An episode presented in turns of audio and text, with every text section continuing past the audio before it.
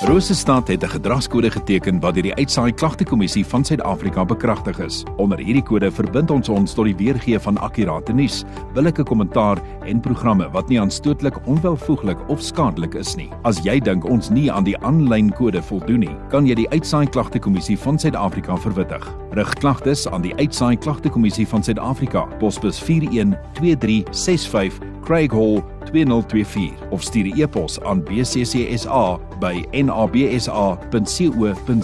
Vir verdere inligting, besoek www.bccsa.co.za.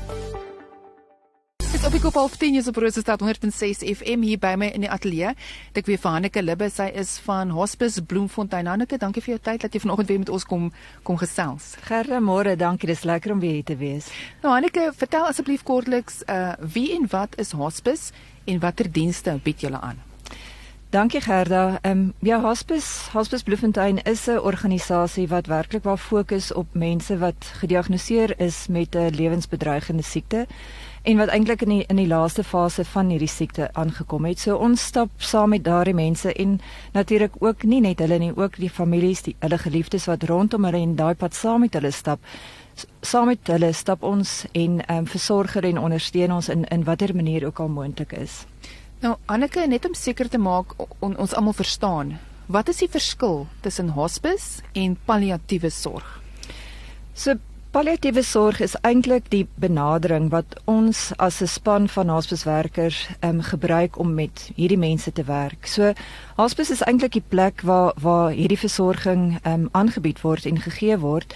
Gewoonlik is dit ook nie net 'n plek nie, maar dit is dis waar mense eintlik tradisioneel en ook soos mense dit baie verstaan ook waantoe mense gaan regtig aan die heel einde van hulle lewe maar palliatiewe sorg begin eintlik al toe tree baie vroeër op daai pad. Ehm um, ons probeer dit ook regtig wat toenemend so maak dat ons vroeër betrokke raak as 'n span van 'n dokter, susters, daar's ook maatskaplike werkers of of ehm um, sielkundiges beraders wat deel is van 'n span wat vroeër betrokke raak wanneer mense begin agterkom hierdie pad begin verander, dit begin moeiliker raak. Ehm um, die moontlikheid om ten volle gesond te word, fisies gesond te word, begin skrade word en so geleidelik begin hierdie rol wat wat ons speel as palliatiewe werkers begin stadig aan meer word wat wat werklik holisties kyk na 'n persoon. Dis nie net die fisiese ervaring van hierdie siekte nie, maar jy kyk na die emosionele impak, die impak wat dit aan die die sosiale impak van die mense rondom daai persoon ook het. En ook na vrae soos hoe verwerk ek dit? Hoe maak ek sin uit wat hier besig is om te gebeur sodat 'n mens werklik daai pad tot aan die heel einde sinvol en met betekenis kan ervaar en kan leef. En ons probeer altyd dit wat vir 'n mens nog lewenskwaliteit beteken, dit te kan handhaaf. Nou Anneke, soos met baie ander bewusmakingsveldtogte, het hospice en palliatiewe sorg ook 'n kalender waar volgens uh, sekere dae en maande dan gevier word, maande. Jy's uh, ook om mense dan daarvan bewus te maak wat palliatiewe sorg is. Nou wat gebeur in Oktober in die palliatiewe of hospice kalender? Ja, soos almal sien ook, ehm um, Die maand is maar pink. En dis 'n geweldige groot bewusmaking ook wat van kanker en en, en kankerbewusmaking veral ook borskanker ehm um, wat wat so misgemaak word daarmee met die klere en en dit wat mense sien ehm um, gebeur in die media rondom ons. En ons het ook as as hospice en in 'n wêreldwye palliatiewe ehm um, organisasie gebruik ons gewoonlik is die 14de dit was ook die afgelope naweek ook om om mense met so dag en eintlik ook die hele maand te sê wat is palliatiewe sorg. En hierdie jaar praat ons baie oor compassionate communities. Hoe 'n mens as 'n gemeenskap eintlik meer betrokke kan wees bewus kan raak van wat is ons rol as as gewone mense as burgers as as bure. Um, in daai pad wat mense kan stap om werklik waar hierdie deernisvolle omgewing te kan skep vir mense. Nou Anneke, jy praat van hierdie compassionate communities. Hoe kan mense betrokke raak hierby uh, in die gemeenskap en ook spesifiek palliatiewe sorg dan ondersteun? Gerard wil eintlik het ek nou te gereik na gedink en eintlik as 'n ander voorbeeld wat ek voor ons sien gebeur het om mooi te beskryf wat hierdie compassionate communities is. Wat ons sien gebeur het in ons eie eenheid waar ons uh, mense opneem. Daar's vier kamers wat ons opneem en en snaaks en interessant hulle het elkeen hulle eie kamers, maar geleidelik begin daar ook 'n gemeenskap, 'n gevoel van gemeenskap onder hierdie pasiënte ook te te vorm.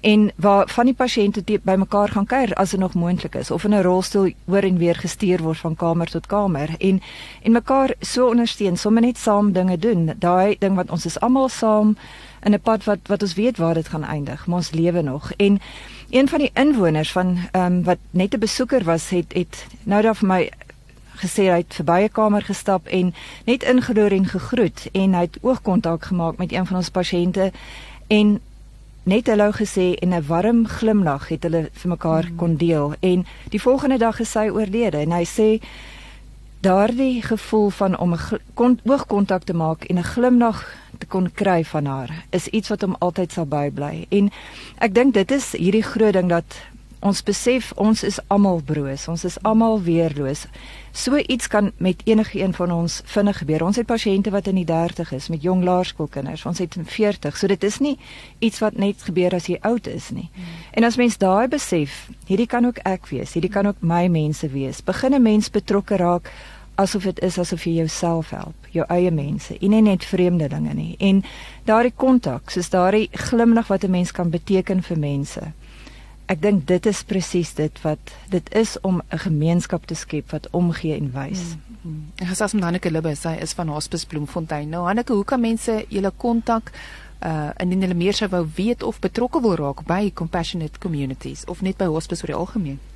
Hulle kan ons enige tyd kontak ons het 'n webbladsy of ons Facebook kan hulle ook kyk. Daar is vele maniere wat 'n mens kan betrokke raak. Dit kan natuurlik ook op 'n lekker manier wees om ons winkel te ondersteun of ook van ons groepe te kan bywoon. Ons het elke maand 'n um, 'n ondersteuningsgroep vir mense wat verliese gehad het. Ehm um, maar ons het ook 'n maandelikse groep wat wat mense vaardighede leer ook. Hoe help 'n mens mens? Hoe praat 'n mens? Hoe gesels 'n mens met mense wat jy weet swaar kry?